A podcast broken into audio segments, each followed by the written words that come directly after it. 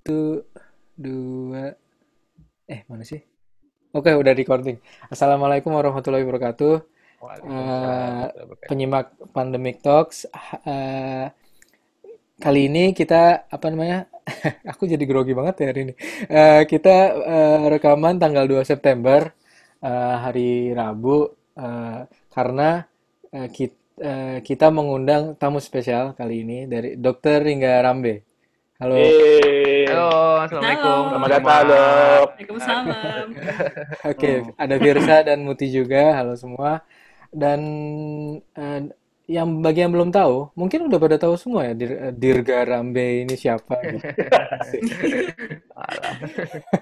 Eh, jadi kalau sepaham kami, kami rada-rada riset bentar dan sering kepo sama Dokter Dirga Rambe ini, kita panggil Mas aja nggak apa-apa kali ya, biar Boleh santai aja ya, Mas Dirga juga nggak apa-apa. Iya. Terus eh, Mas Dirga, jadi Mas Dirga ini adalah eh, praktisi klinis ya sekarang ya, praktisi Betul. klinis. Jadi dia eh, beliau adalah spesialis penyakit dalam. Kebetulan di Jakarta, di rumah sakit mana Mas? Ini eh, Bekerja di dua rumah sakit swasta. Nah, gitu. hmm, rumah sakit swasta Ya, di ya. Jakarta Ya, dan dua. jadi rumah sakit rujukan atau emang merawat COVID atau gimana Mas? Eh, bukan rujukan, tetapi eh, merawat. Saya sehari-hari merawat pasien COVID. Nah, itu yang kita Hmm. mau ngulik sih sebenarnya. Ya nggak sih? Apa? Ya, ya. Jakarta tuh gimana sih? Kan ke rumah sakit rujukan katanya ada berapa tuh 60-an ya di Jakarta? 60-an betul, betul. Ya. 60-an. Eh, itu itu kan beda sama rumah sakitnya Mas bekerja ya, dua rumah Ya, ya rumah sakit betul. swasta. Tapi kok ngerawat COVID juga? Sebenarnya tuh eh, sistemnya gimana sih? Di Indonesia gimana? Di Jakarta gimana? Sepahamnya Mas bagaimana? Iya, interogasi. ini ini saya menyampaikan apa apa adanya ya. Jadi Mhm. paling tidak di Jabodetabek lah ya. Saya nggak tahu kalau di luar. Jabodetabek. Sebetulnya pada saat sekarang ini tidak ada satupun rumah sakit yang tidak pernah kedatangan pasien yang terkait COVID ya. Hmm. Entah itu statusnya confirm atau eh, probable atau suspek sekarangnya ada ada tiga tingkatan itu ya. Ya karena udah saking banyaknya orang yang yang terinfeksi, mau dia OTG kayak mau dia bergejala ya.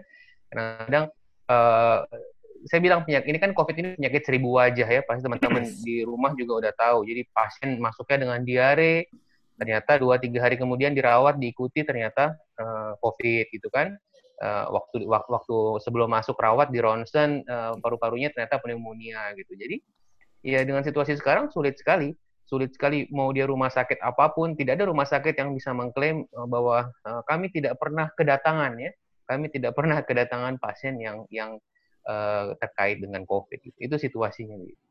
Ah, jadi istilahnya kalau apalagi Mas spesialis penyakit dalam ya Iya, istilahnya betul. yang eh, saya kalau dari dulu ya dari, dari saya pribadi ya penyakit dalam tuh dokter paling hebat karena sangat luas banget jadi apa ya Ya, ya. sangat Ah, luas banget cakupannya gitu Cakupannya ya. aduh pinter banget gitu loh kalau kalau saya bilang terus eh, Penyakitnya bisa A sampai Z, tapi nah di refernya ke penyakit dalam gitu. sesuai sama COVID ini yang seribu wajah kan Yes. sebenarnya eh, macam-macam gejala ya pasti penyakit dalam eh, ikut an- eh, ikut andil dalam merawat si COVID ini. Betul kan Mas ya? Di betul, betul. Ya, betul. Jadi Mas sendiri ya ngerawat COVID ya sekarang. Merawat COVID ya. Ngerawat COVID. Itu di eh, gimana sih Mas di Jakarta gambarannya? Dari sisi tadi kan Mas sudah bilang ya eh, Hmm. apa namanya? Pasien semua tuh COVID sekarang banyak banget pasien. Oke. Hmm. Tapi soal kondisi di rumah sakit itu gimana nih, Beb? Kita eh, akhir-akhir ini rame kan ada berita Betul. di beberapa media diangkat soal bed occupation rate atau te- keterisian rumah sakit. Itu Betul. di Jakarta katanya itu emang dinamis, ya. Soalnya kan ada yang sembuh, ada yang datang, ada yang sembuh, ada Betul. yang meninggal, ada yang macam-macam. Eh, itu bed occupation rate itu di rumah sakit Mas kayak apa dan sepahaman Mas di Jakarta kayak apa? Terus yang kedua di sisi dokternya sama Hmm. perawatnya, sisi eh, sisi nakes lah, radiografernya, tukang labnya, Hmm. ya teknisi labnya maaf, Eh, cleaning service-nya itu kan satu satu health health workers ya istilahnya. Betul. Itu tuh kondisinya gimana sih Mas? Kelelahan kah? Habis-habisan kah? Atau eh, baru kemarin per 31 Agustus 100 kematian dokter, Dokter. belum Betul. perawat, belum yang lain. Itu Iya. kita pertanyaannya panjang banget. Menurut Mas. Emang kondisinya kayak apa sih? Cerita dong. Ya. Jadi saya itu alhamdulillah masih diberi kese kesehatan, kesempatan. Jadi saya tidak pernah libur satu hari pun sejak awal pandemi sampai sekarang ya. Hmm. Mau Sabtu, mau Minggu juga masuk aja ya. Paling ada Hmm. pada pasien yang di visit soalnya. Eh, mungkin sekitar satu dua bulan dua bulan lalu sempat senang ya waktu itu pasien turun tuh waktu itu tuh ya mungkin Hmm. terutama waktu PSBB yang DKI yang dua minggu itu eh, pasien sebetulnya sedikit sekali ya. Sedikit itu Ah. artinya dua-duanya pasien COVID apalagi pasien non COVID ya. Pasien-pasien yang non COVID eh, saat, saat itu khawatir datang ke rumah sakit ya.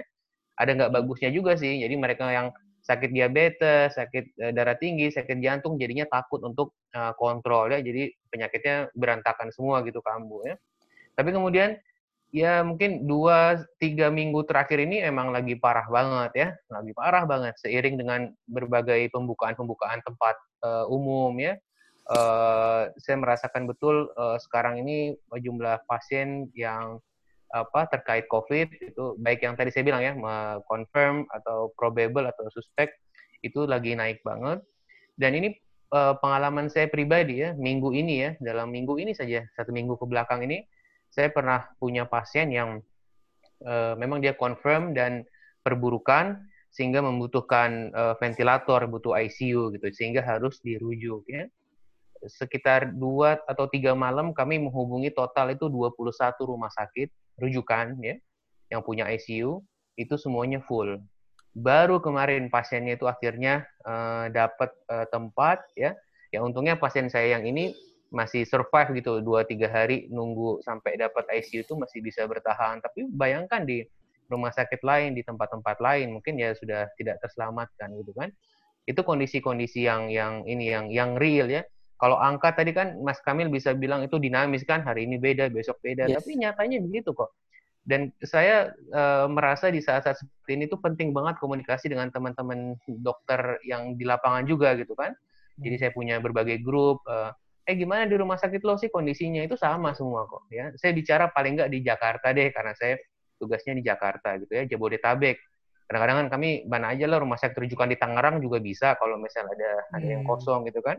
Semuanya sama, semuanya sama. Ada yang tadi bahkan saya ada yang bilang sampai 40 nelpon 40 rumah sakit semuanya eh, penuh gitu 40. kan. Iya, jadi itu tadi eh, satu tempat tidak ada. Yang kedua, tenaga kesehatan mulai bertumbangan kan. Nah, dokter meninggal 100. Belum yang sakit yang terinfeksi.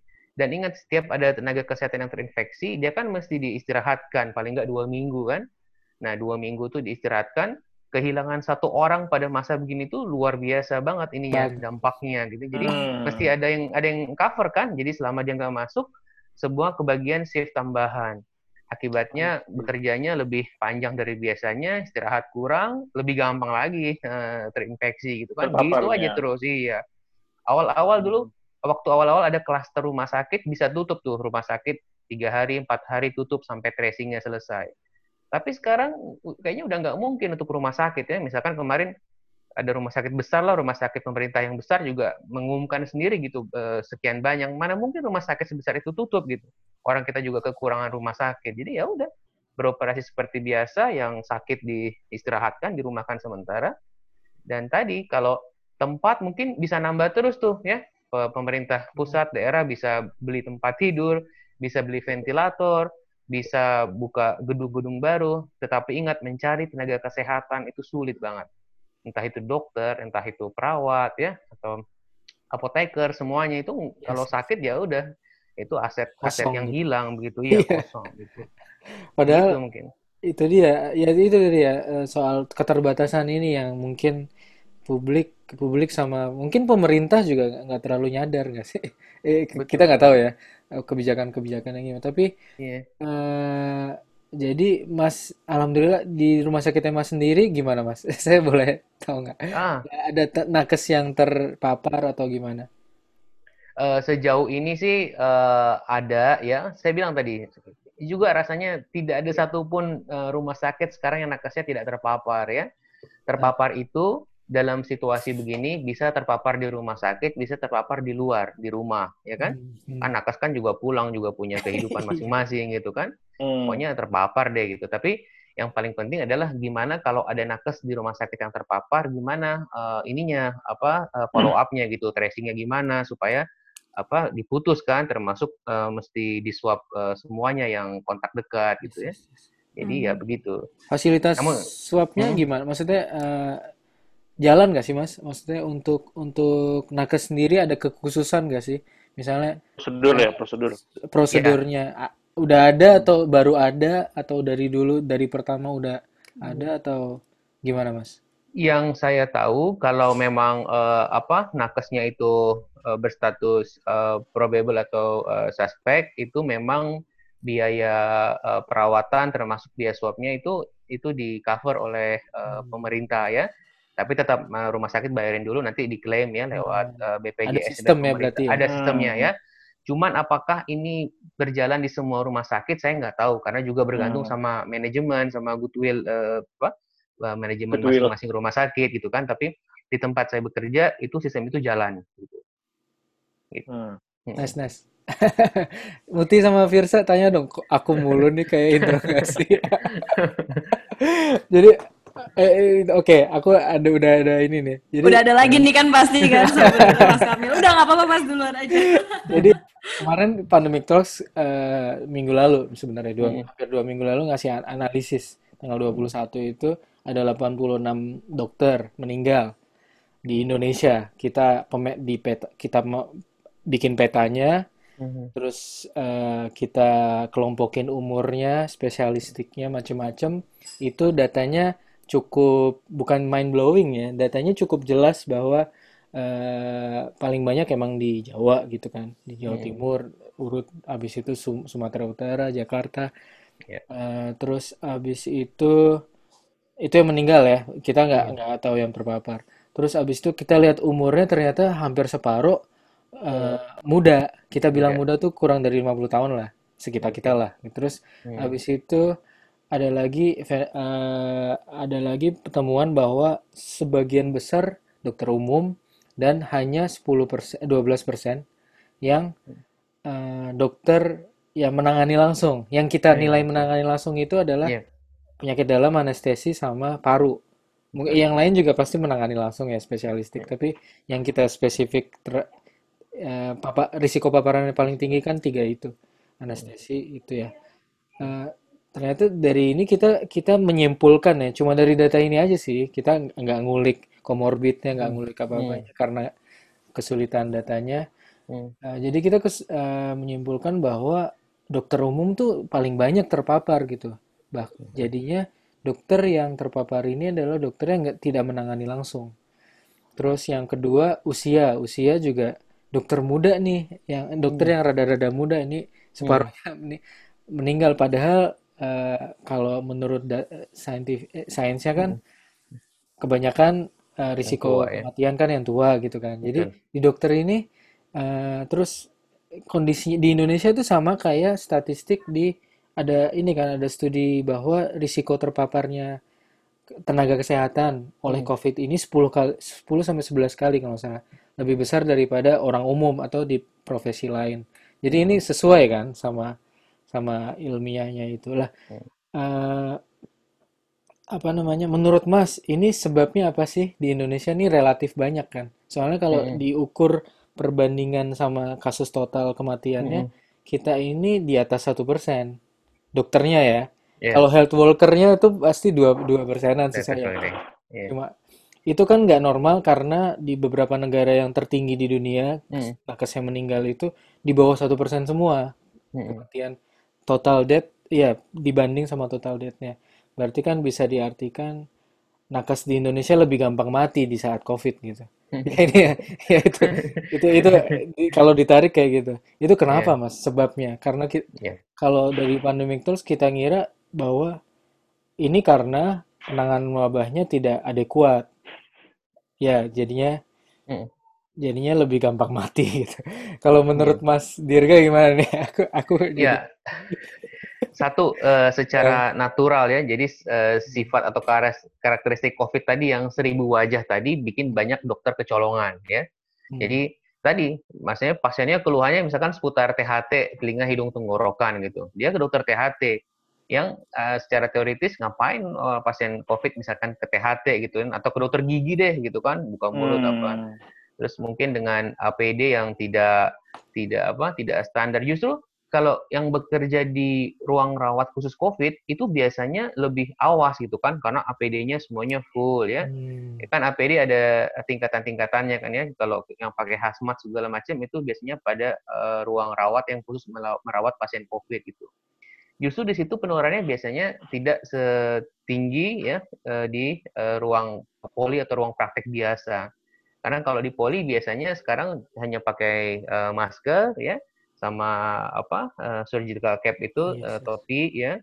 Terus uh, beberapa masih pakai apron ya atau baju oka gitu kan. Jadi tadi banyak yang kecolongan lah. Termasuk teman-teman dokter umum itu sebetulnya mereka merawat langsung. Karena mereka kalau di rumah hmm. sakit teman-teman kita ini adalah uh, jaga IGD hmm. itu rumah sakit itu um, garis terdepannya itu UGD gitu. Pasien masuk ke UGD dulu gitu kan dengan segala macam penyakit gitu ya. Walaupun sekarang di UGD harusnya uh, saya selalu bilang sama teman-teman yang jaga, semua pasien yang datang ke UGD mesti dianggap COVID sampai terbukti Anggap sebaliknya COVID. gitu. Hmm. Ya. Mau dia keluhannya diare ya, mau keluhannya ke arah demam berdarah atau apa, udahlah anggap dulu COVID dulu sampai terbukti uh, sebaliknya gitu. Konsekuensinya apa? Termasuk penggunaan APD yang seperti di ruang rawat uh, COVID itu ya. Nah, terus yang kedua uh, soal APD lagi ya, ya memang kita akui uh, apa sudah kalau di awal-awal dulu kan uh, soal masalah kelangkaan APD memang ya. Yes. Jadi dulu APD pakai jas hujan kalau kita ingat ya segala macam. Sekarang mungkin sih udah udah nggak udah nggak gitu lagi, stoknya udah banyak, apalagi teman-teman dalam negeri udah mulai memproduksi sendiri gitu kan. Nah, hmm. Tapi ya sebetulnya uh, dalam sehari-hari juga masih tidak standar. Contoh aja uh, masker N95 itu kan secara teoritis harusnya saya lupa 6 jam apa 8 jam harusnya buang atau ganti ya atau maksimal mungkin 24 jam. Tapi kalau uh, saya saya sendiri termasuk ya dan teman-teman saya ngobrol ya di, reuse ya, di, di, dicuci, dibersihkan ya, sterilisasi, pakai lagi. Ya sangat mungkin uh, apa efektivitasnya berkurang ya, termasuk hazmat. Hazmat juga repot juga sih kalau kita tiap sekali pakai buang, sekali pakai buang gitu kan. Stoknya juga makin tipis. Jadi hazmat juga semuanya hampir semuanya mereuse juga ya jadi hal-hal yang begitu sudah tidak tidak ideal ya. Jadi tetap uh, APD tapi uh, tidak ideal lagi ininya kualitasnya gitu.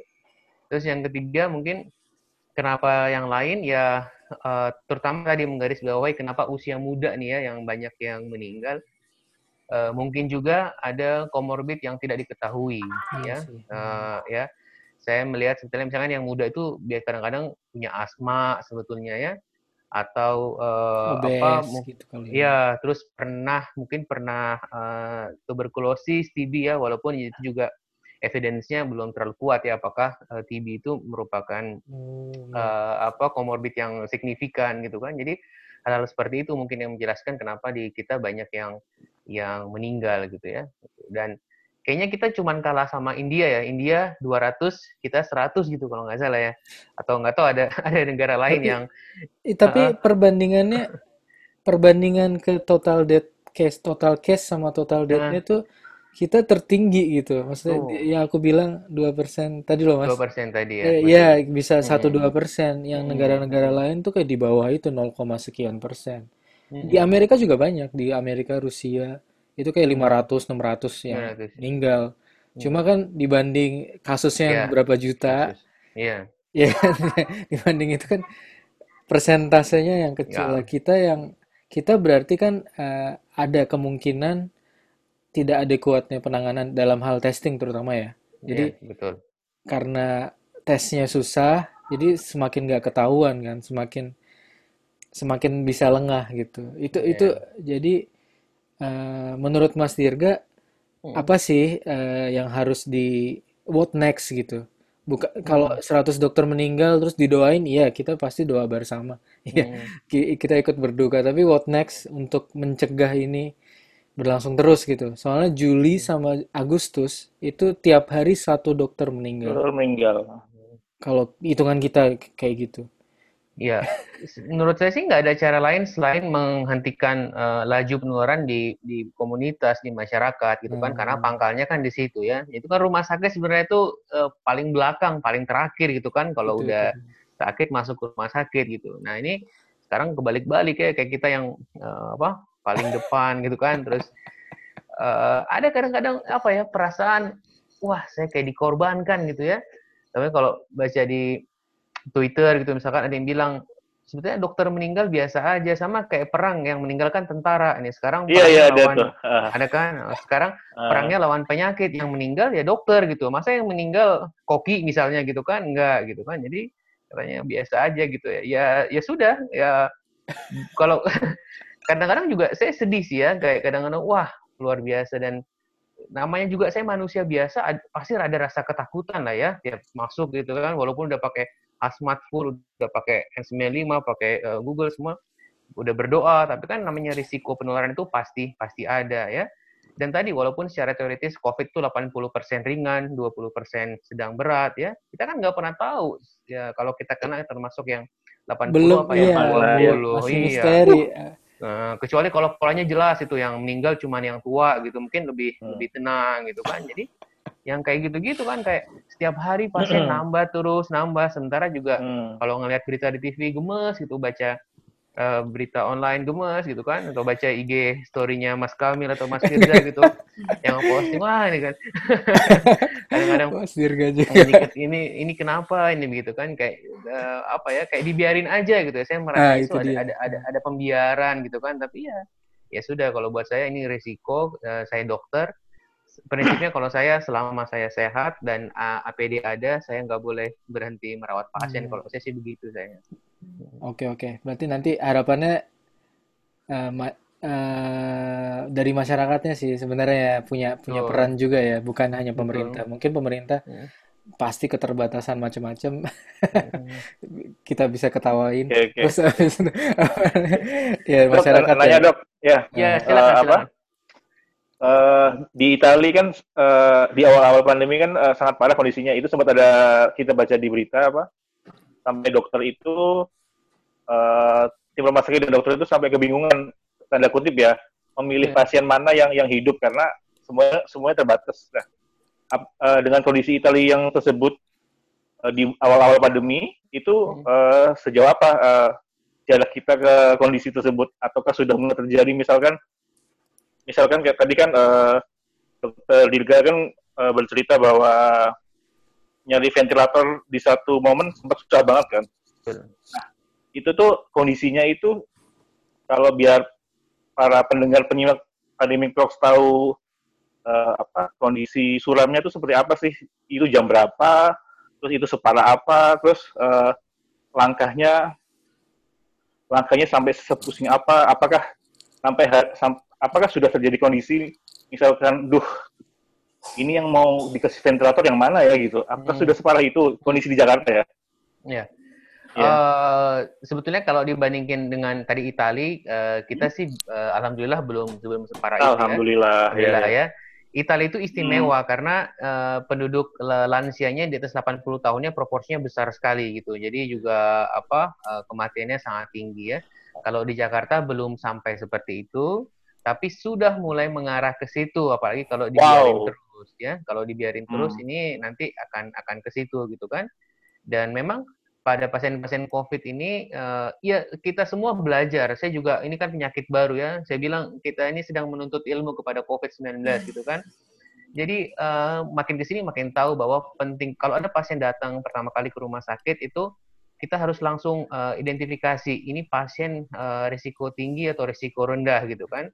Biasanya itu hmm. dalam dalam 48 jam pertama itu udah ketahuan kok. Maksudnya udah bisa di, diprediksi gitu ya. Uh, ini pasien ini akan jelek, akan butuh uh, HCU atau ICU gitu gitu ya. Ada atau ini pasien uh, akan apa ringan gitu kan. Jadi mencari uh, komorbid itu penting banget ya dan hmm. beberapa indikator pemeriksaan hmm. laboratorium yang yang penting banget tapi sayangnya mungkin tidak semua rumah sakit juga bisa mengerjakan gitu kan jadi penting banget jadi kita langsung tahu nih oh ini siap-siap cari rujuk rujuk rujuk gitu kan persiapannya kalau kalau butuh uh, apa uh, eh, ICU gitu ya tapi tadi uh, Mas Firza kalau kita Kalau kita nggak melakukan apa-apa, kita melakukan pembiaran sekarang ya bukan bukan nggak mungkin uh, seperti tadi ya.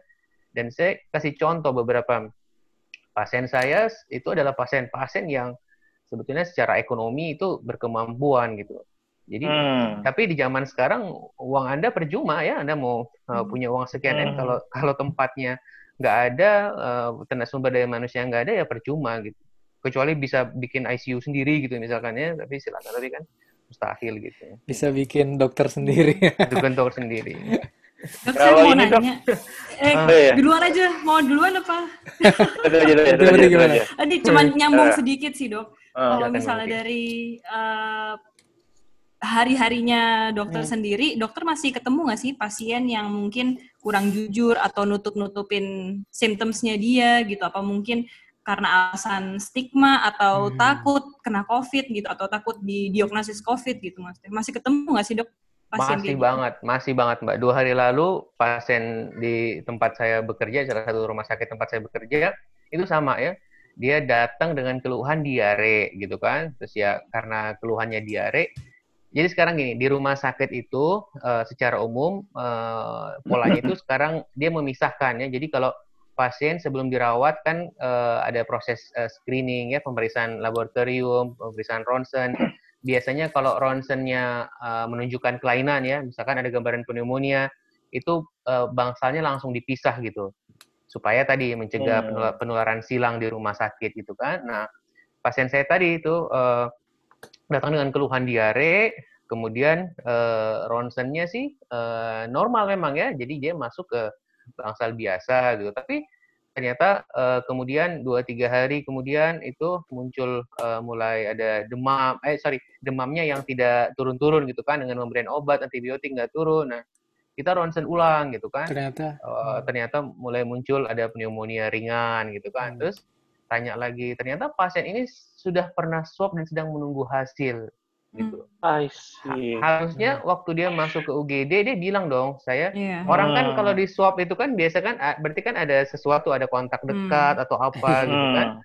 Jadi dia itu sudah berbohong gitu dan saya sih melihat memang kecenderungan itu sampai sekarang masih masih ada bahkan misalkan pasien-pasien yang masuk ke UGD keluhannya tidak spesifik ya tadi misalkan uh, demam gitu kan demam hmm. itu kan banyak banget demam berdarah bisa karena tifoid ya terus hmm. kita ronsen uh, ada pneumonia harusnya itu uh, langsung ruang rawat ruang isolasi dan disiapkan untuk swab itu pada titik itu banyak banget yang menolak jadi hmm. uh, minta pulang jadi pulang atas permintaan sendiri Ya, ya. Dengan oh, dengan okay. asumsi pasien tadi positif, dia pulang ke rumah di Jakarta, rumah ini himpit-himpitan semua, ya gimana hmm. kita memutus penularan gitu dan kami juga di rumah sakit uh, yang apa nggak bisa lah maksa-maksa gitu berantem dong uh, energi yeah, yeah. udah udah habis gitu yeah. kan dan juga saya nggak tahu apakah ada instrumen hukum gitu yang bisa digunakan misalkan kita telepon hmm. uh, apa polisi dinkes. polisi ya, atau dinkes among praja hmm. atau apa gitu dijemput paksa gitu saya nggak tahu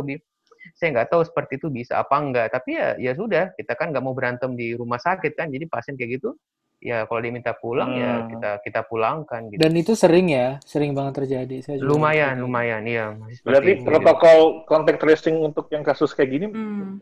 uh, ada berarti ya? Tidak ada Jadi, follow up gitu ya, mungkin ya Mas ya? Bukan Kami... salah rumah sakitnya berarti ya? Maksudnya kan uh, tidak ada protokol hmm. prosedur misalkan kata dokter tadi bilang hmm. harusnya kan tanda kutip ada ada aturan dong. Kami harus telepon Satpol PP kah? yeah.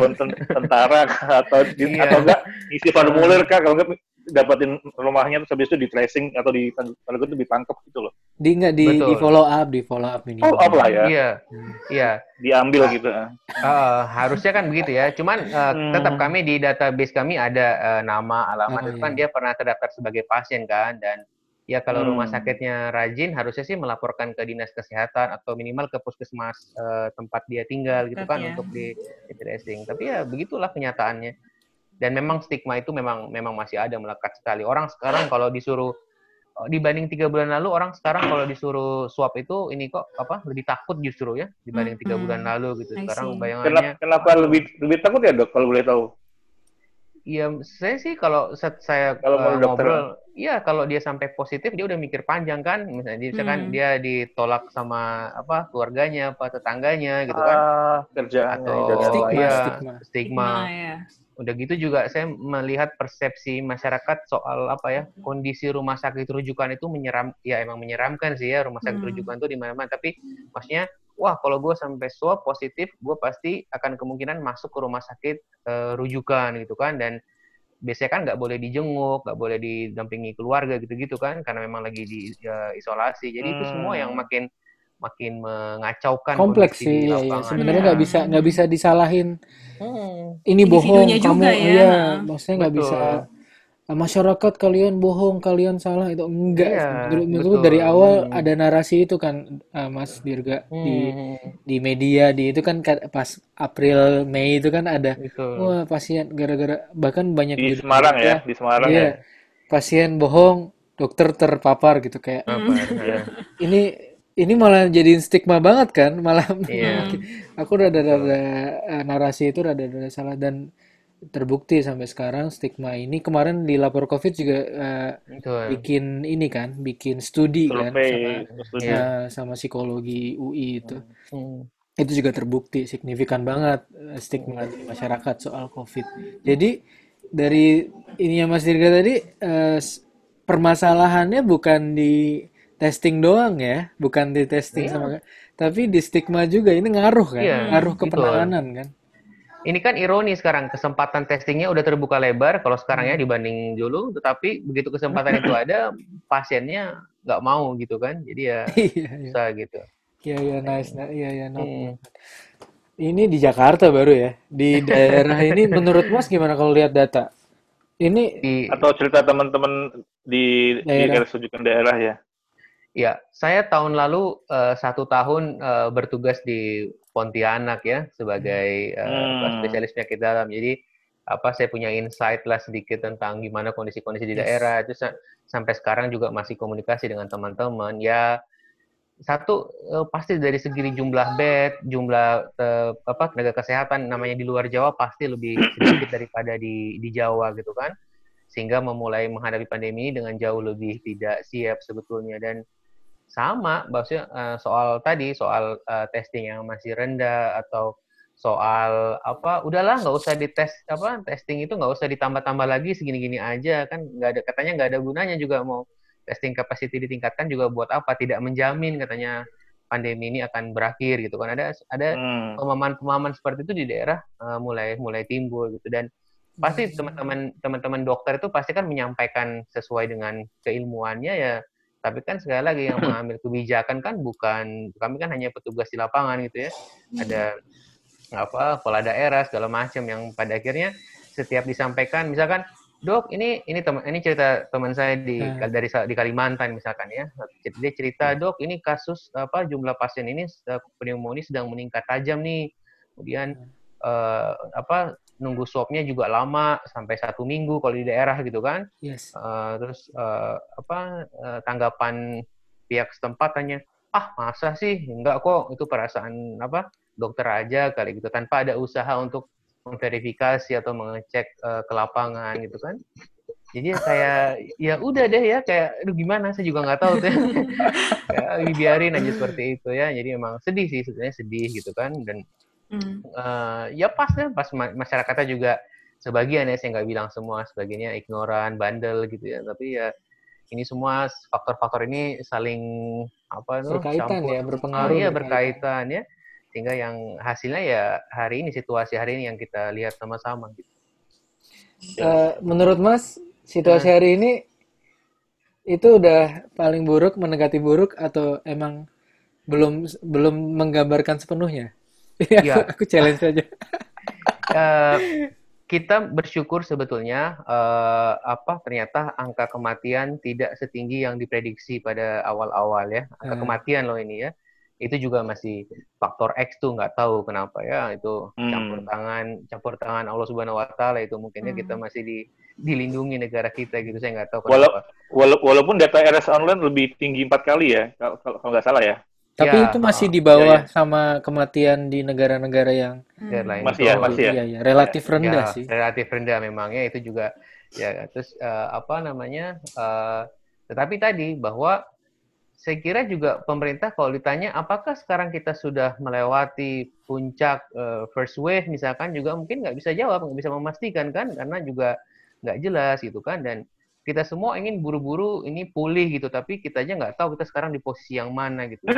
Saya cuma ya, saya cuma khawatir, ya. iya kita berkepanjangan nih kan, nanti negara-negara lain udah udah pulih duluan, tapi kita uh, jadi panjang gitu kan. Kemarin saya dengar uh, Dokter Pandu Riono mengatakan bahkan uh, puncaknya tahun depan ya kalau saya nggak salah ya, hmm, apa iya. akhir, akhir, akhir tahun, ah, ah gitu kan. Saya bilang wah ini memang tapi tidak mustahil ya kalau ngelihat kayak gini tiap hari kasus 2000, 3000, positivity rate naik gitu kan. Terus juga testing segitu-gitu aja gitu kayak wah. Jakarta Jakarta udah seribuan ya, uh, Dok. Udah seribu ribuan sekarang. Per hari. Ya, gitu, per hari gitu kan. Terus juga ya apa uh, ini menurut saya ya isolasi mandiri juga menurut saya tidak tidak efektif nah, lah ya itu untuk di di Jakarta ini kan saya bilang tadi rumah hmm. itu padat-padat berhimpitan banget ya hmm. jadi alah nggak nggak bisa lah pasti juga dia main mungkin keluar tangganya ke sebelah atau semuanya menurut saya uh, dari awal tuh dipisah ya jadi kalau kasus yang ringan itu di isolasi isolasi bukan mandiri isolasi di uh, fasilitas uh, sementara misalkan wisma hmm. atlet atau itu ada rencana hotel, pembukaan hotel, gor, rencana pembukaan apa gor hmm. ya atau hmm. gedung-gedung itu aja di situ jangan di rumahnya gitu ya. Ini nah, termasuk yang OTG ya dok ya maksudnya? Iya, pokoknya semua yang positif deh hmm, suruh okay. nginep dulu di situ diasramakan beberapa. Itu tuh yang suspek juga. Kebijakan baru ya. Iya. Baru ya. Nanti di yang sedang, yang berat baru diarahkan ke uh, rumah sakit gitu kan. Jadi juga apa nggak nggak terlalu lumpuh. Ini kan uh, apa yang ringan bahkan sekarang hampir semuanya diarahkan untuk isolasi mandiri tuh kalau saya hmm. melihat cerita di lapangan gitu kan di data kita enam eh, enam puluh persen eh, pasien hmm. aktif di Indonesia itu isolasi mandiri, Gimana bukan di rumah sakit. Saya nggak hmm. saya nggak percaya deh ya isolasi mandiri yang yang efektif gitu kan ya. Artinya harusnya kan iya di iya. kamar sendiri semua segala macam susah lah. Kita kan harus hmm. realistis aja itu. Kalau kayak gitu kan jadi ya nggak bakal terjadi tuh penghentian apa penularan Transmisi. gitu kan transmisinya betul. Gitu. Dok, aku mau nanya tadi kembali ke uh, Mas Dirga tadi sempat ngomong kalau misalnya uh, sering kontak-kontakan sama teman-teman dokter hmm. yang ada di daerah, hmm. yang sama di Jakarta juga. Ini saya ada pertanyaan tapi sebenarnya sepele banget sih pertanyaan tapi hmm. karena saya bukan nakes jadi saya kurang memahami gitu. Hmm. Kalau misalnya antara dokter di Indonesia khususnya kan sekarang kita semua lagi belajar sama-sama belajar hmm. tentang COVID-19 ini gitu komunikasinya untuk transfer knowledge tuh gimana sih dok? Apakah hmm. punya grup message besar hmm. gitu yang uh, dikirim, diupdate mungkin sama uh, teman-teman da dari dokter paru, dokter penyakit hmm. dalam, hmm. anestesi dan lain-lain, atau misalnya punya mailing list gitu. Kalau misalnya saya dulu sama teman-teman sekolah punya mailing list, jadi kayak misalnya ada orang mau nanya, ada orang mau apa, di ada yang email kita semua message-nya bisa balas apa hmm. dan seterusnya gitu. Kalau uh, dari dokter sendiri di lapangan adanya bagaimana dan apakah itu sudah optimal atau harusnya bagaimana? Hmm. Ya, sejauh ini komunikasi tersering itu via WA terutama ya, via WA hmm. group ya. Bahkan saya punya via WA group itu ada yang namanya uh, apa? dokter, pokoknya dokter-dokter yang minatnya itu ke COVID lah gitu kan. Hmm. Ada juga WA group yang memang sehari-hari merawat pasien COVID. Tentu ada juga uh, dokter penyakit dalam segala macam. Kita di situ sharing kok ya. Kita sharing, ini ada temuan ini, ada temuan itu dan sekarang hmm ya ini apa alhamdulillah di zaman begini WFA, WFA ini webinar jadi banyak banget ya webinar iya. sehari mungkin bisa 5 sampai 10 info webinar gitu ke HP. Jadi tapi kadang-kadang bermanfaat sekali ya terutama hmm. uh, baik yang dari dalam negeri maupun dari luar negeri ya. hmm. ya. Dan saya selalu pengen belajar tuh dari misalkan China karena mereka kan belajar lebih lebih awal daripada ya, kita awal. gitu. Jadi harusnya insight-nya lebih lebih banyak gitu kan. Uh, misalkan soal konsep ada namanya early intubation ya. Jadi awalnya itu hmm. kalau pasien udah mulai wah jelek nih gitu dari awal-awal langsung diintubasi gitu kan. Tapi ternyata kemudian ke sini uh, ternyata mulai ditinggalkan, ternyata juga outcome-nya nggak nggak sebagus yang diharapkan gitu kan. Hmm.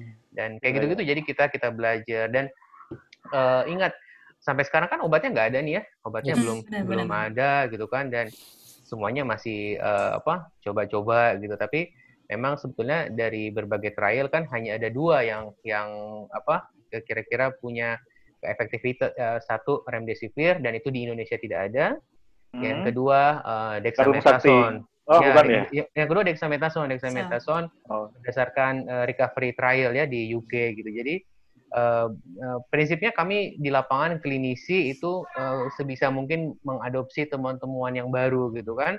Hmm. Jadi misalkan waktu saya tahu hidroksi uh, uh, itu tidak tidak efektif ya. pada beberapa hmm. trial termasuk recovery trial, saya langsung stop. Saya langsung stop ya.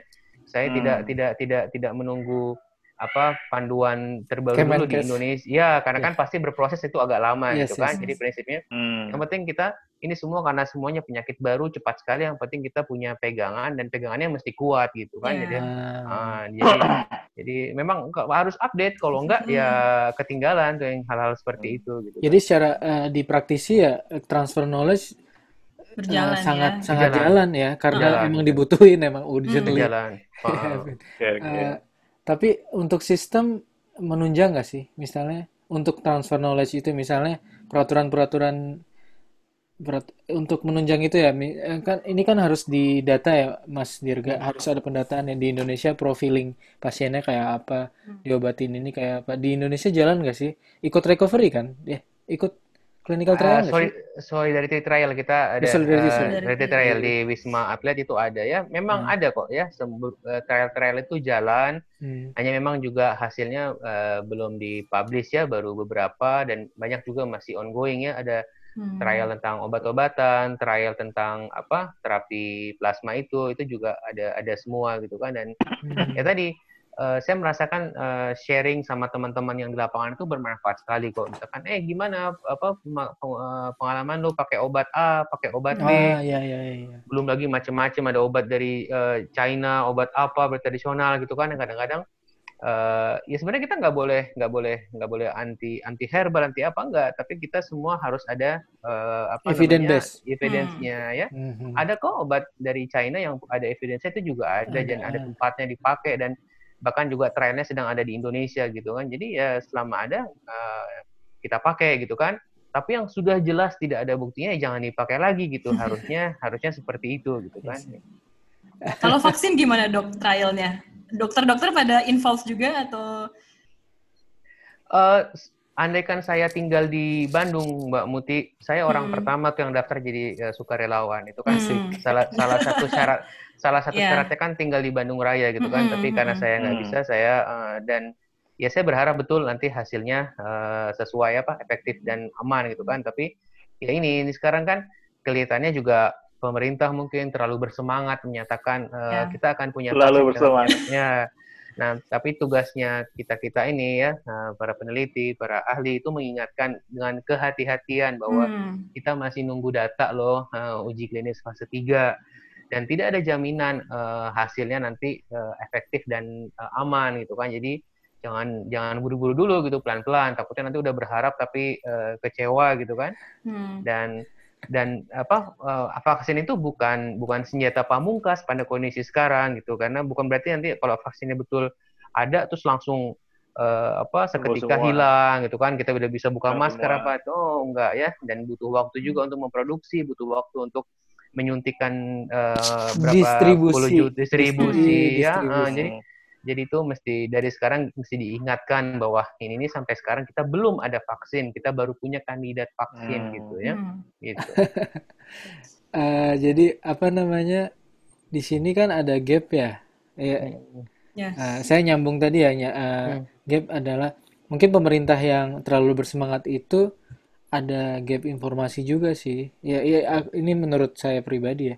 Hmm. Jadi mungkin mereka yang para menteri atau para pres, para, para presiden pak presiden atau pejabat yang lain tuh yang uh, seolah-olah mengumumkan oh vaksin udah produksi nanti Januari disebarkan gitu itu tuh uh, informasinya nggak nyampe mungkin ya dia mungkin nggak paham ya satu dua masyarakat itu pola masya, uh, pola in, apa namanya persebaran informasi di masyarakat itu juga adalah permasalahan sendiri kan ya Mas Dirga. Yeah. Hmm. Uh, apa namanya kalau di surveinya lapor covid kan emang uh, sebagian percaya sama dokter sama ahli, tapi sebagian juga percaya sama uh, pemuka agama sama pemuka agama. Iya, pejabat itu kan pejabat, yang di Surabaya di Surabaya Jakarta kan gitu kan. Yang kedua ya. itu adalah pejabat dan pemuka agama yang dipercaya. Baru yang lain-lain sampai uh, akhirnya ada influencer segala macam. Hmm. Uh, apa ya itu pola-pola penyebaran informasi itu yang menurut uh, saya juga jadi jadi challenge sendiri ya di Indonesia. Hmm. Nah, kita kita kan sebagai di Pandemic Talks mungkin kita bukan ahli ya Mas Firsa sama Muti. jadi lah ini di Mas Dirga kan ahli ya. Ya maksudnya ah, pakaran. Ya uh, praktisi kan udah tau lah ilmunya emang di vaksinologi eh, Mas oh. Diri apa namanya master di vaksin segala macam dan penyakit dalam kan emang ahlinya kok. Uh, istilahnya paling ah, paling ngerti lah. Saya kan berdasar saya nggak nggak nggak terlalu paham tuh covid itu gimana gitu. Uh, Mas Dirga uh, ngerasa nggak dari teman-teman il, pihak ilmuwan ini hmm. komu, uh, punya masih punya kewaj apa namanya masih punya PR nggak sih untuk mengkomunikasikan ini ke baik oh, iya. pemerintah atau horizontal ke masyarakat atau ke keluarga ya. itu tuh uh, kita masih kurang nggak sih yang dilakuin sama kita ya. apa kita udah udah cukup uh, udah ini menurut Mas Dirga sebagai pakar gimana?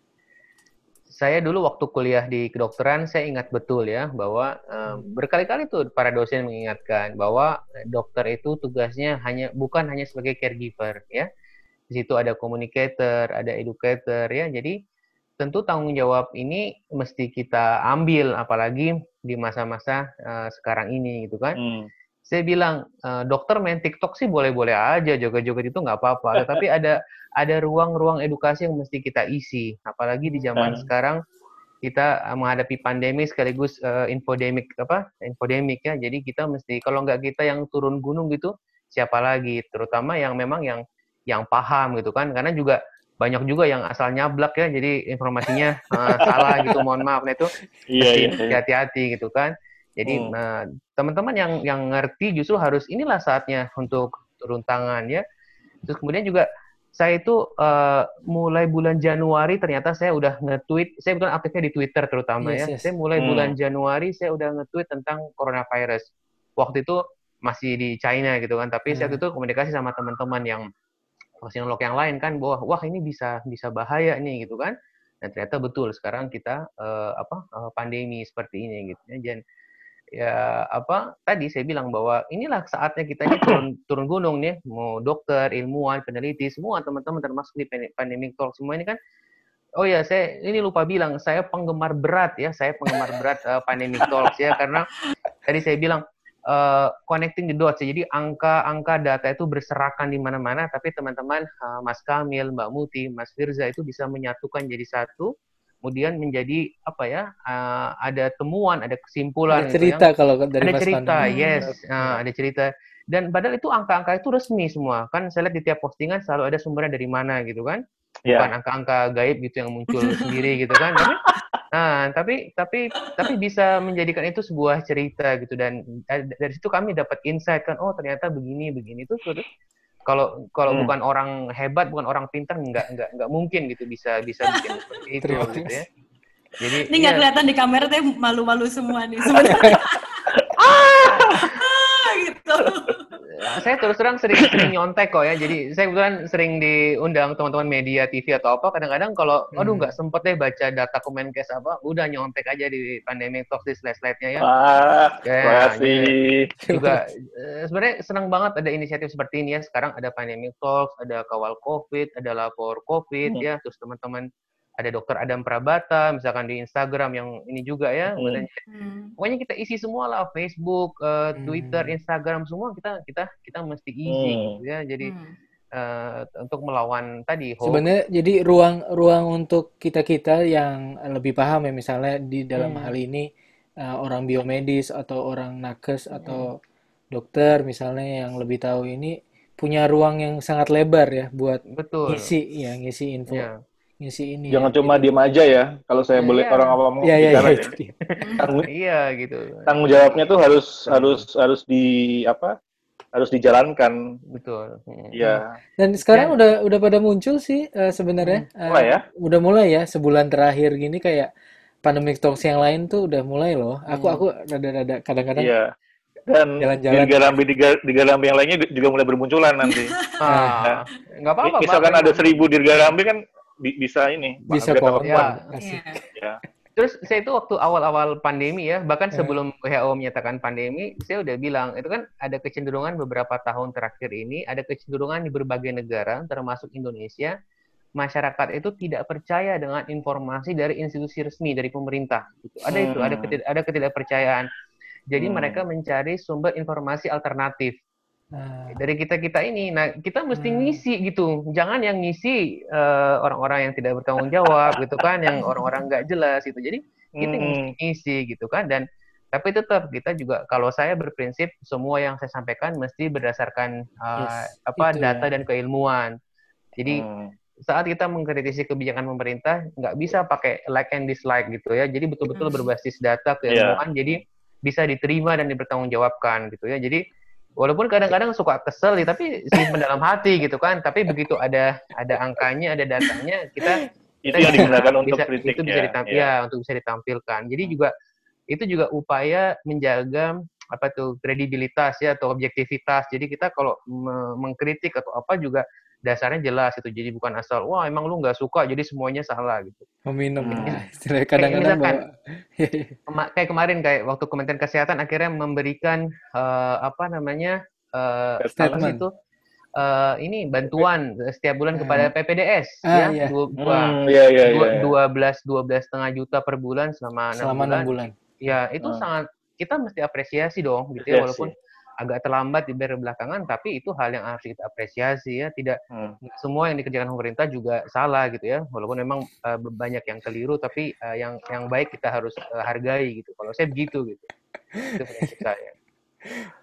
Oke, okay, okay. yeah, yeah. uh, Terus dok, uh, nanya, aku yeah, nanya, uh, uh. dok apa? Uh, ada dua nih, minta pendapat dari dokter nih apa? Nomor satu, selain selain menyembuhkan di hmm. pasien COVID, dokter kan juga juga pasti tanda kutip sering bertemu kematian COVID juga ya. Ya, nah uh, menurut dokter ini uh, gimana uh, dokter Dirga berpendapat bahwa ada statement di awam ya hmm. bahwa ah sudahlah COVID itu juga nanti sembuh sendiri kok gitu loh. Nah uh, bagi teman-teman dokter sama nakes yang berperang di garda terakhir ini uh, statement itu terlihat terlihat terlihat terlihat apa gitu menurut, menurut dokter? Ya. Apakah apakah memang bisa sembuh sendiri? Apakah kalau kita bahagia lalu imun kita kuat langsung kebal? Nah terus uh, saya, saya ingin uh, pandangannya mas. Uh, ya nunjukin ke teman-teman pendengar bahwa peran penyembuhan itu penting penting gak sih dok gitu? Atau enggak ya udah ntar sembuh sendiri kok gitu. Menurut dokter gimana? Hmm. Ya, sebetulnya memang kan tadi saya bilang 80% COVID itu uh, ringan hmm, ya. Nah, ringan ya. Tapi yang 20% sedang berat. Tapi kita tuh tidak pernah tahu sampai sekarang bahwa kita tuh masuk yang 80 apa yang 20 gitu ya. Iya. Jadi sampai nanti ketemu obat yang efektif, kita nggak bisa tuh bilang, wah ini COVID sembuh sendiri, wah nggak apa-apa kena hmm. COVID. Atau ada uh, bahagia apa uh, di Twitter bilang pada akhirnya semua apa semua pada uh, semua akan COVID pada waktunya. Saya nggak setuju tuh ya itu hmm. apa uh, fatalisme gitu nggak boleh kita mesti mesti cegah ya. Terus hmm. yang kedua tadi soal bahagia nih ini saya juga gemes banget pengen komentarin ini udah lama ya. Jadi komentarin tumpahkan uh, mas. Terus, jadi ini nanti kita buat quote-nya ya. Hmm, ini apa uh, ini rasa bahagia yang diglorifikasi menurut saya. Jadi sistem Rasa imunitas. Uh, uh, jadi sistem imunitas kekebalan kita itu sesuatu yang sifatnya dinamis dan multifaktorial gitu ya. Jadi uh, hmm. hari ini kita hari ini kita kuat, hari ini kita fit, kita sehat. Nanti malam kita begadang misalkan, besok kita uh, ngedrop gitu kan. Jadi hmm. sebenarnya nggak ada yang menjamin seseorang itu setiap hari bisa fit terus, bisa bagus terus sistem hmm. kekebalannya. Dan tadi banyak sekali faktornya ya, makanan, istirahat, rokok segala macam. Nah terus Nah, sekarang uh, bukan sekarang sih sudah sudah sejak awal seolah-olah ada pemahaman kalau kita bahagia sistem imunitas akan uh, apa terboosting gitu kan? Uh, tidak tidak seperti itu ya tidak sesimpel itu gitu.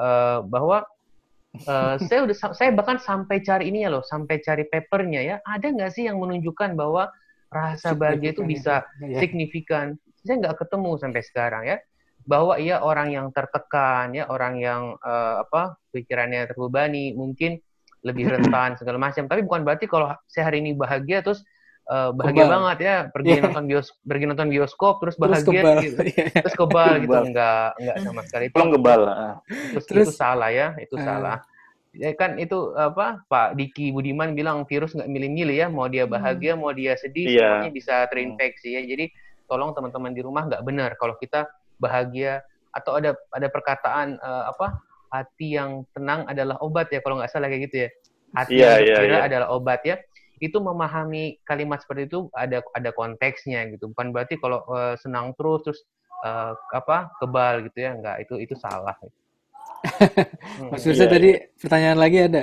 uh, yang kedua katanya tadi ada dua pertanyaan oh, ada dua ya Uh. ya udah aku aja. Aku aja dulu ya. gini gini, aku mau nyambungin nih mas. Apa namanya? Uh. Uh, ini dibalik ya. Uh. Kita kan kadang-kadang menyampaikan informasi sesuai data yang ada gitu kan. Hmm. ya walaupun kita packaging, packagingnya tuh kita bikin uh, misalnya pandemic toast packagingnya ini kita bikin bahwa uh, semua orang bisa paham gitu. Seawam apa pun gitu. Kita usaha biar mereka bisa konek bisa tahu gitu ceritanya. Tapi uh, kan nggak semuanya ya baik ya nggak semuanya baik dalam arti ini persepsinya juga beda-beda banget. Nah, positif lah positif. Jadi kita hmm. ada resistensi. Itu kita udah sering sih udah udah sampai hmm. rada udah udah ini bahwa kita dibilang jangan jangan ini dong jangan apa? Menyebar apa?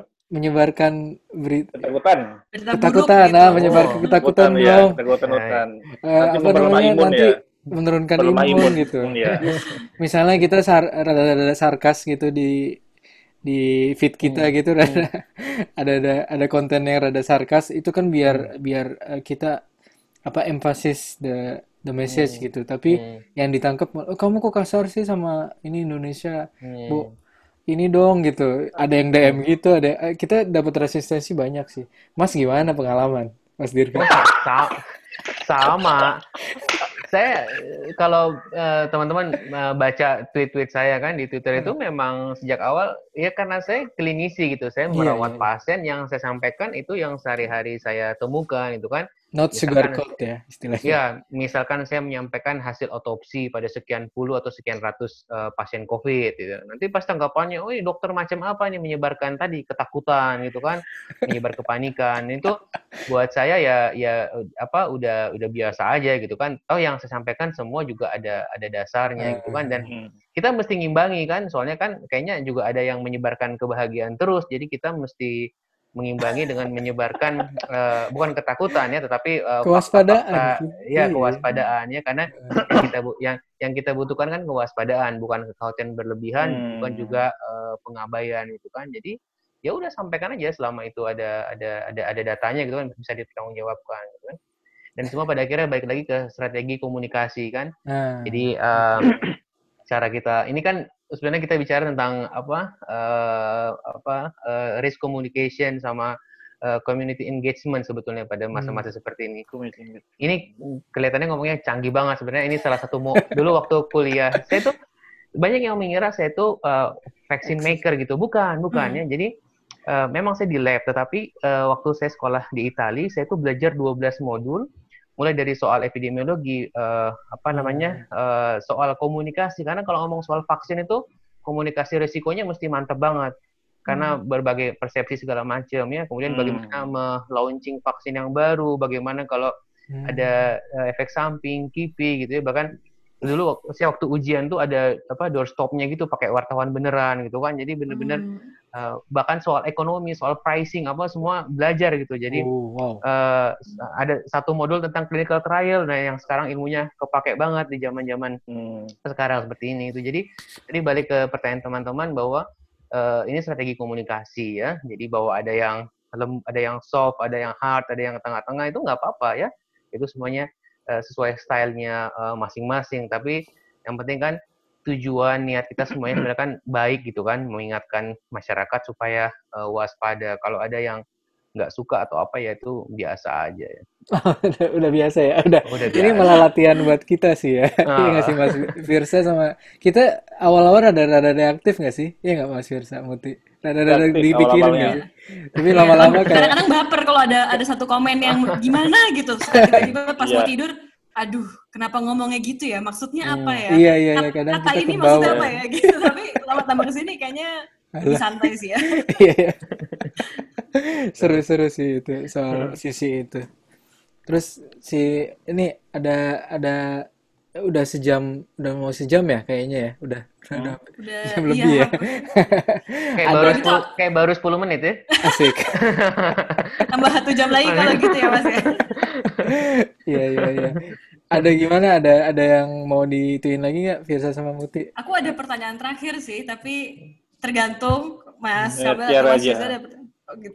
Aku tuh uh, pas ngepoin Mas Dirga itu aku Aduh. stumble upon artikel Al Jazeera. Jadi Mas Dirga ini masuk ke artikel Al Jazeera ya kalau nggak salah ya Mas ya. Asik. Bulan Februari. Bulan Februari di saat uh, eh, WHO belum declare pandemi dan Indonesia itu juga ngomongnya belum ada uh, case lah di sini gitu. Aku sih di situ jujur saat itu adalah merasanya bahwa ah nggak mungkin lah ya gitu tapi sepertinya menurut banyak orang awam nggak nggak punya feeling kayak gitu gitu loh mas hmm. ini kan berarti ada instingnya Mas Mas Dirga dong yang bergerak hmm. bahwa ini kayaknya bakal jadi something serious dan this is going to be something big dan kita juga bakal hmm. kena impactnya hmm. gitu melihat hmm. awal mulanya lumayan clear gitu Mas Dirga uh, kebayang juga nggak sih nanti endingnya nih gimana gitu. Soalnya kan kita juga sudah tahu nih ada gap sama awam bahwa kurang realistis kalau kita bersandar sekali sama vaksin gitu. Banyak hmm. orang yang masih ngerasanya bahwa hmm. vaksin, vaksin ada, semua dapat beres gitu. Ini hmm. aku ngeba ngebandinginnya juga aku kayak kayaknya orang ngebayangin bahwa mungkin nanti vaksinnya satu aja gitu mereknya satu semua orang dapat bisa buat anak kecil bisa buat orang manula bisa buat orang yang sakit autoimun hmm. dan lain-lain dan lain-lain tapi itu kan menurut orang lain ya berpikirnya hmm. seperti itu. Kalau buat Mas Dirga sendiri, kebayang nggak sih nanti akhirnya bagaimana atau masih rabun atau masih hmm. sangat foggy gitu? Bisa okay. ini insight gimana? Nggak cenayang. Uh, satu dua bulan ini adalah saat-saat yang paling kritikal ya uh, buat hmm. pemerintah daerah, pemerintah pusat ya, terutama di Pulau Jawa untuk mengambil uh, apa tindakan yang mau diambil apa gitu ya kalau gini-gini aja dan uh, semua sudah happy dengan seperti ini, yang penting tidak resesi atau segala macam, ya ya sudah. Saya mungkin setuju ini kita akan panjang nih pandemi kita, gitu ya, akan panjang sampai tahun depan. Mungkin negara-negara lain sudah pulih. Hari ini saya baca entah benar apa enggak Malaysia, Malaysia memban uh, Indonesia yeah. tiga tiga betul, ya, betul, itu, ya, ya, itu kayak itu ya. ya nanti pada akhirnya kalau kayak gini ya negara-negara lain juga mungkin Eropa segala macam mungkin nggak akan memban kita juga gitu kan. Itu satu. Terus yang yang yang apa namanya uh, saya merasa ujungnya akan panjang seperti itu. Uh, kemudian bagaimana endingnya? Uh, menurut saya uh, eliminasi uh, COVID ini bisa tercapai pada tingkat lokal nantinya ya jadi eh, pemerintah-pemerintah yang yang yang serius ya, pemerintah daerah yang serius itu bisa kok mencapai eliminasi lokal. Jadi hmm. artinya di beberapa kabupaten provinsi mungkin masih tinggi ya, terutama yang punya perbatasan nih. Kalau kayak Jawa gini kan susah semuanya jadi satu. Jadi ada satu uh, Pemda yang serius, tapi kalau Pemda tetangganya nggak serius itu percuma. Apalagi orang masih bisa uh, keluar masuk gitu. Tapi kalau saya sebut ya. aja, ya saya sebut aja contoh misalkan uh, di Bali, Nusa Tenggara ya, yang benar-benar apa uh, isolated island gitu hmm. ya, itu amat sangat bisa mencapai eliminasi lokal sebetulnya. Ya, okay. Kalau uh, kalau kalau ada intervensi serius. kebijakan. Yes, yes begitu itu maksudnya. Gitu ya. Gitu. Baik kalau saya ditanya eh, eliminasi seluruhnya di Indonesia, saya nggak bisa jawab. Masih masih masih gelap banget itu. Hmm. Oke, okay, masih kabut ya berarti ya. Masih kabut ya. uh, tentang ending itu saya mau nambahin hmm. masalah nih, masalah hmm. masalah depan, masalah sosial ke depan mungkin ada ini juga sih, uh, dok. Apa kaum anti vaksin itu? Kayaknya oh, di iya. di Twitter dua hari ini udah mulai rame juga tuh. Oh iya. Nah, ada ada satu artis inisial inisial TB itu, si Mbak TB, udah mulai mulai melakukan iya. TB siapa ya? Kepo. Iya. saya itu saya itu udah udah udah biasa dikata-katain di media sosial karena mm -hmm. kan mulai aktif di Twitter tuh sejak tahun uh, 2011-an. Jadi udah 9 tahun sebenarnya saya aktif tahunnya. mengedukasi uh, karena awalnya tentang vaksin. Jadi menghadapi uh, teman-teman yang anti vaksin ya hmm. atau teman-teman yang masih galau tentang vaksin itu udah udah udah ngeletek gitu. Jadi kayak makanya kalau zaman sekarang saya dikata-katain saya udah udah lumayan kebal gitu kan. Jadi udah udah udah biasa, latihan. Iya udah latihan ya. Dan tapi dalam konteks yang serius ini bahwa memang ya eh, WHO juga sudah memperkirakan kok uh, eh, CDC memperkirakan bahwa uh, proporsi anti vaksin ini kan mungkin dari tahun ke tahun makin meningkat gitu. Dan nanti satu vaksinnya aja andaikan semua orang disuntik belum tentu efektif ya hmm. apalagi nanti uh, ketambahan lagi teman-teman yang uh, tidak percaya uh, pada vaksin itu jadi untuk mencapai herd immunity kan teorinya kurang lebih dua per tiga populasi mesti disuntik tuh kan nah, hmm. mungkin akan akan sulit tuh mencapai dua per tiga populasi gitu ya sebetulnya ada kok cara-cara uh, me, me, apa me, merespon teman-teman yang seperti hmm. ini gitu kan dengan cara melibatkan pemuka agama dengan uh, hmm. pemerintah juga ya komunikasinya juga mesti baik. Makanya lagi-lagi strategi ya. Iya. Communication saya, strategi tadi itu saya mengapresiasi pemuka agamanya malah malah bilang ini dok. Apa uh, vaksinnya halal enggak? Tapi nggak apa Mas Firza itu itu itu realitas dari ini ya.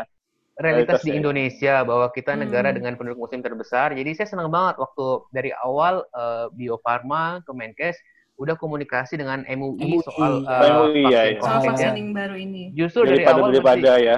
Yes, dari awal mesti kita bicarakan. Kita belajar kemarin waktu introduksi vaksin MR ya, misal hmm. sama rubella kemarin beberapa tahun terakhir, komunikasi itu kayaknya kurang bagus. Jadi di lapangan resistensinya begitu kuat. Hmm. Ya, jadi karena tidak disertai dengan fatwa MUI di awal gitu. Harusnya kalau ada vaksin baru di zaman sekarang harusnya langsung disertai dengan fatwa MUI gitu kan mau dia mau dia hmm. halal mau dia mubah ya dan saya sekarang ber, udah mulai proses dan yang saya baca sendiri bahwa uh, para apa uh, kiai-kiai di komisi fatwa sudah menyatakan bahwa hmm. sertifikasi halal akan disiapkan hmm. karena itu uh, prosesnya lama banget panjang sekali tetapi karena ini situasinya pandemi maka nanti rencananya akan dikeluarkan fatwa uh, apa mubah ya boleh karena ini situasinya uh, sedang mubah ya ya sedang, oh, ya. sedang terpaksa sambil menunggu hmm. uh, tadi proses sertifikasi halalnya selesai dan itu saya dukung banget itu bagian dari bagian dari komunikasi bagian dari uh, apa introduksi vaksin baru untuk uh, masyarakat gitu Hmm. Dok, ter, uh, terakhir kali ya. Uh, hmm. Jadi banyak followers Pandemic Talks yang bertanya kepada kami, tapi karena kami belum ahlinya dan belum mendapat artikel yang tepat, sumber-sumber yang tepat, kami belum belum membuatnya tentang happy hipoksia, dok. Hmm. Nah, ya, ya, bisa ya. dijelaskan secara singkat ini. Oh, itu banyak banget yang nanya apa, hmm. jelasin dong, jelasin dong. Gitu. Iya, ya. kita kita nggak tahu. kita nggak tahu, kita nggak tahu. kita sering banget loh bilang gitu, Mas Dirga. Uh, kita, ke kitanya ke pandemi. Ini dong, ini dong. Kita tidak tahu, kita tidak tahu itu itu sikap yang bagus loh. Saya juga kalau ditanya saya bilang nggak tahu, saya nggak tahu gitu. Karena yeah. kita nggak mungkin tahu semuanya dong ya. Yang, yeah, yeah. yang bilang yang kita tekuni gitu. Jadi harusnya begitu kalau nggak tahu nggak bilang nggak tahu. Sering dimarahin kok gara-gara nggak tahu. Gimana sih? Nah, happy happy hypoxia. Kalau nggak jadi virus ya. Hmm? Nah, dalam keadaan normal, kalau kadar oksigen darah kita itu uh, menurun ya, rendah. Saturasi. Saturasi ya, kita huh? sebutlah angka aja biar gampang, kurang dari 90 persen umumnya tubuh akan merespon ada kompensasi itu uh, akan sesak ya supaya mencari uh, oksigen tambahan oksigen. gitu hmm. ya itu itu normalnya seperti itu nah hmm. jadi orang kalau uh, oksigen darahnya rendah dia pasti akan ngos-ngosan akan sesak gitu karena dia butuh memasuk memasukkan oksigen lebih banyak tetapi pada covid ini ada fenomena happy hypoxia atau silent hypoxia ya sebenarnya juga nggak happy sih sebenarnya silent kali ya, ya happy itu hiperbolanya kan oh, iya, itu ini cuma di covid tapi, aja tapi jadi tapi jadi menarik kan orang jadi gitu kayaknya iya happy. Iya masa covid happy, happy gitu? Uh, ini happy, covid happy. aja atau yang lainnya? Yang lain ada nggak fenomena ini? sampai saat ini setahu saya dilaporkan baru di covid ini uh, oh. Kamil ya. Wow. jadi Nah itu uh, jadi uh, belum ditahu, diketahui kenapa. Jadi pada uh, pada COVID kalau uh, saturasi oksigen darahnya turun, itu pasiennya tampak biasa-biasa aja, tenang ya, kayak nggak ada apa-apa, kayak ngerasa apa-apa. Belum tahu kenapa, tapi diduga tadi uh, respon untuk uh, harusnya kalau oksigen di darah turun itu ngasih tahu ke otak tuh, yes, eh yes, oksigen yes. oksigen lo turun nih, ayo yes. nafas, hmm. ayo apa ini nggak jalan gitu ya. Nah itu ada yang ada yang salah, uh, ada yang bermasalah dengan dengan sistem yang Sensor, tadi makanya pas ya, ya pasiennya uh, biasa-biasa aja itu yang disebut sebagai uh, silent atau uh, happy hmm. uh, hypoxia. Jeleknya gitu. pada titik tertentu langsung jelek gitu kan, langsung yes. langsung tiba-tiba pingsan gitu, perburukannya gitu, tis, gitu kan. Betul, jelek itu sekali. apa mil maksudnya? Jelek itu pingsan ya? Jadi ada titik tiba -tiba, ini oh, loh, ada critical pingsan. point kalau threshold nyampe situ. Iya, kalau nyampe situ oh. langsung langsung butuh ya, ICU langsung aja. Oh. Ya. Oh. Kalau orang yang hmm. normal kayak gini loh Mas, apa namanya? Sesek dulu gitu loh. Jadi orang ya. udah udah siap-siap wah ini sesek gitu. nih. Ya. Nanti Betul. nanti ceritanya gini. Kalau ini biasa aja tiba-tiba di tiba-tiba perburukan drastis Jadi nggak ya, ya. kita nggak bisa nebak gitu istilahnya. Ya. Itu gitu. jeleknya itu. Nah, uh, nyambungin lagi nyambung-nyambungin mulu.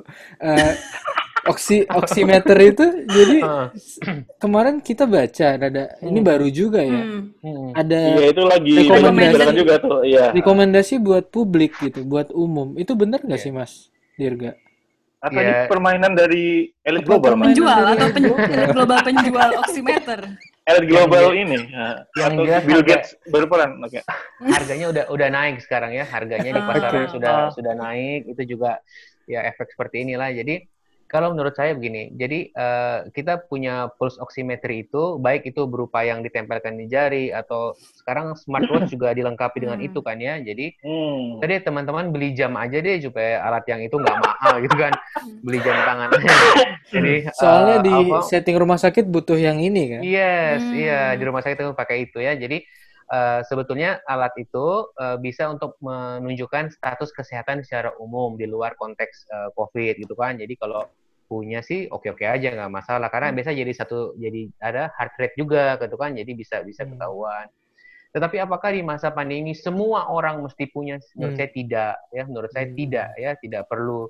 Tidak. Nah, kapan kapan punya terutama yang sudah jelas confirm ya, sudah jelas confirm hmm. uh, COVID-19 atau paling enggak inilah yang suspek misalkan uh, apa udah di swab gitu kan nunggu hasil punya itu mungkin oke okay untuk mendeteksi. Tapi Atau kalau yang isolasi mandiri masih, ya, yang isolasi mandiri ya, ya pokoknya. Tapi kalau yang sehat-sehat sehat aja dan apa namanya, apalagi tidak ada keluhan sama sekali, nggak usah deh. Nanti alatnya makin mahal, makin langka. Itu yang juga, terjadi hmm, ya. Itu ya, dan itu kan juga belum menjadi kesepakatan di keseragaman di seluruh dunia gitu kan. Ah, Tapi belum ya. Bahwa okay. ah, ada fenomena happy hypoxia yang mesti kita waspadai, tapi juga jangan uh, lantas wah semua orang mesti punya uh, apa oximetry menurut saya sih nggak nggak perlu seperti itu. Gitu. Hmm.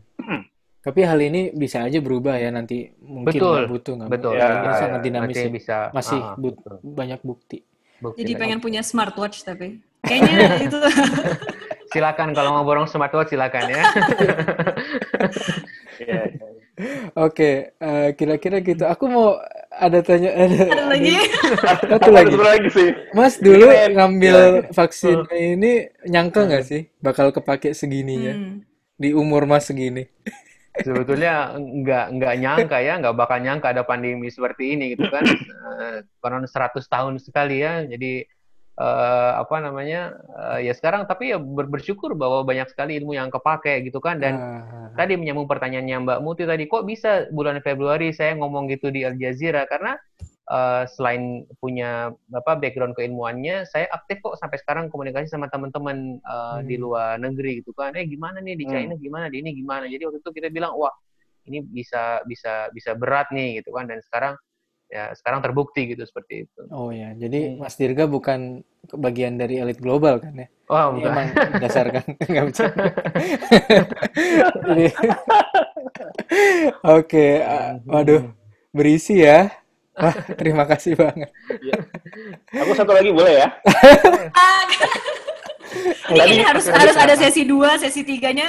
Kalau nggak, kalau masih tadi kan hanya dua yang, yang, uh. yang yang satu baru ingat. Uh, jadi sekarang uh, dok kondisi di rumah sakit untuk untuk layanan ke pasien non COVID ah, gimana dok kalau di Jakarta? Nah, ini ini ini penting banget ya. Ini penting konon banget. katanya uh, udah mau tolak-tolak juga ya konon ya. Iya. Nah, jadi inilah efek domino yang dikhawatirkan dari awal kan. Hmm. Jadi hmm. Uh, pasien-pasien yang non COVID ya, pasien uh, cuci darah, pasien diabetes, pasien jantung hmm. apa, kan satu khawatir ke rumah sakit waktu itu. Jadi saya sering pasien kedatang tiga bulan nggak minum obat bayangin. Tiga bulan nggak minum ya, obat. Kalau yang punya uang mungkin bisa beli obatnya sendiri gitu kan satu dua bulan. Hmm. Tapi kan ada juga yang yang BPJS kan harus BPJS per bulan datang. Ya, teman-teman yang peserta BPJS yang penerima bantuan yuran PBI itu kan secara ekonomi memang di bawah. Jadi aduh untuk makan aja mungkin sulit apalagi untuk beli obat-obat satu bulan seperti itu. Jadi banyak banget yang pas datang dua tiga bulan nggak kontrol gula darahnya berantakan, naik semua gitu kan. Terus tadi betul bed rumah sakit kan sebagian atau setengahnya mungkin kepake buat pasien pasien-pasien COVID. Jadi pasien non COVID aja, misalkan ada satu rumah sakit rujukan di Jakarta misalkan yang awalnya dalam keadaan normal dia melayani pasien uh, apa pasien-pasien gangguan pernapasan dan pasien-pasien umum. Tapi sekarang khusus buat uh, COVID. Jadi pasien-pasien yang non COVID udah nggak bisa ke rumah sakit tersebut, dialihkan ke rumah sakit yang hmm. lain. Gitu. Dan dan ini kan juga iya akan menjadi masalah tersendiri buat uh, sistem kesehatan kita gitu kan. Jadi banyak pasien-pasien yang hari ini tadi saya punya pasien uh, diabetes, kemudian dia apa namanya ada ada tumor pankreas kebetulan dan uh, kita mesti rujuk refer untuk uh, HCU ya karena uh, penurunan kesadaran gitu dan nggak ada nggak ada tempat gitu ya jadi sementara dirawat di kamar biasa sampai uh, dapat tempat gitu. Jadi Phew. jadi kalau kita ngomong yeah, kalau yeah. kita ngomongin COVID kita nggak nggak boleh ngomongin COVID-nya atau gitu. Kita harus mikir hmm. tadi penyakit-penyakit yang ini ini orang masyarakat ini sering tidak sampai ke situ gitu ah. pemahamannya gitu. Domino efeknya kita iya. ketutup ya. Ya ya saya juga concern di soal kanker kan. Ini teman-teman kanker, wow, uh, menu, banyak yang menunda, banyak yang ketunda operasinya, hmm. banyak yang jadi efeknya sangat-sangat ini kemonya, yes. radiasinya betul kacau semua. Hmm. Padahal dengan tanpa COVID pun mereka udah antri. Iya. Iya, tambahin. COVID, wow lagi gitu. Betul. Padahal kan misalnya tumor itu kan nggak nu uh, tumbuh aja gitu cuek kan mau di kemo kapan dia dia nggak urusan kan. Tumor Dobling. itu kan tumbuh aja. Doubling time-nya terus jalan iya iya iya misalnya. Hmm. ya ya ya semoga semoga apa ya jadi bingung ya terima kasih tarik nafas panjang-panjang. Ya ya oh, ya ya iya betul. Sekarang sering banget ya kayak gitu ya ya itu ini terus terang ya kadang-kadang juga namanya dokter manusia kadang-kadang ada gejala psikosomatik ya jadi misalkan hmm. aduh itu tadi pasien di poli covid nggak ya terus pulang kok tiba-tiba tenggorokan gue kayak kayak ada ganjel gitu kan hmm. atau kayak malam-malam kok agak meriang, cek suhu berkali-kali, oh enggak kok gitu ya namanya manusia, manusia. Punya, punya kekhawatiran seperti itu uh. gitu kan dan sayangnya ini kan kita nggak tahu ini sampai sampai kapan itu kan jadi ya sudah ya ber, hmm. berupaya hmm. berdoa semoga apa terlindungi ya kita semua uh, sehat-sehat gitu. dan pesan untuk teman-teman ya uh, harus aware juga ya so, harus yes. sadar kalau kondisinya itu emang belum normal dan new normalnya tuh ya jangan pakai standar sendiri lah. new normal itu new normal yang sesuai sama standar lebih, standar internasional WHO ya. Iya iya. standar epidemiologi ya.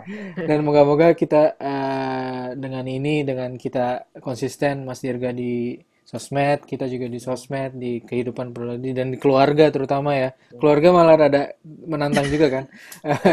ini kita bisa ya. nggak lelah ya, nggak lelah ngantuk uh, ngasih tahu dan macam-macam. View, kira-kira seperti itu. Uh, ada tambahan, Fiersa sama Muti? Sudah, Mas Dirga ada tambahan? Sudah, sudah. Ya, terima kasih. Oke. Okay. Saya stop ngobrol-ngobrol lagi kita undang ya. Iya, iya, kita undang boleh. lagi apa ya. Iya, ini kan kayaknya masih lama jadi kita undang. Oke. Oke, oke. Semangat Mas Dirga yang besok masih ketemu pasien-pasien. Iya. Iya. Iya, semangat istirahat habis ini. Ya. Oke, kita saya berhentiin recordnya ya. Terima kasih semua.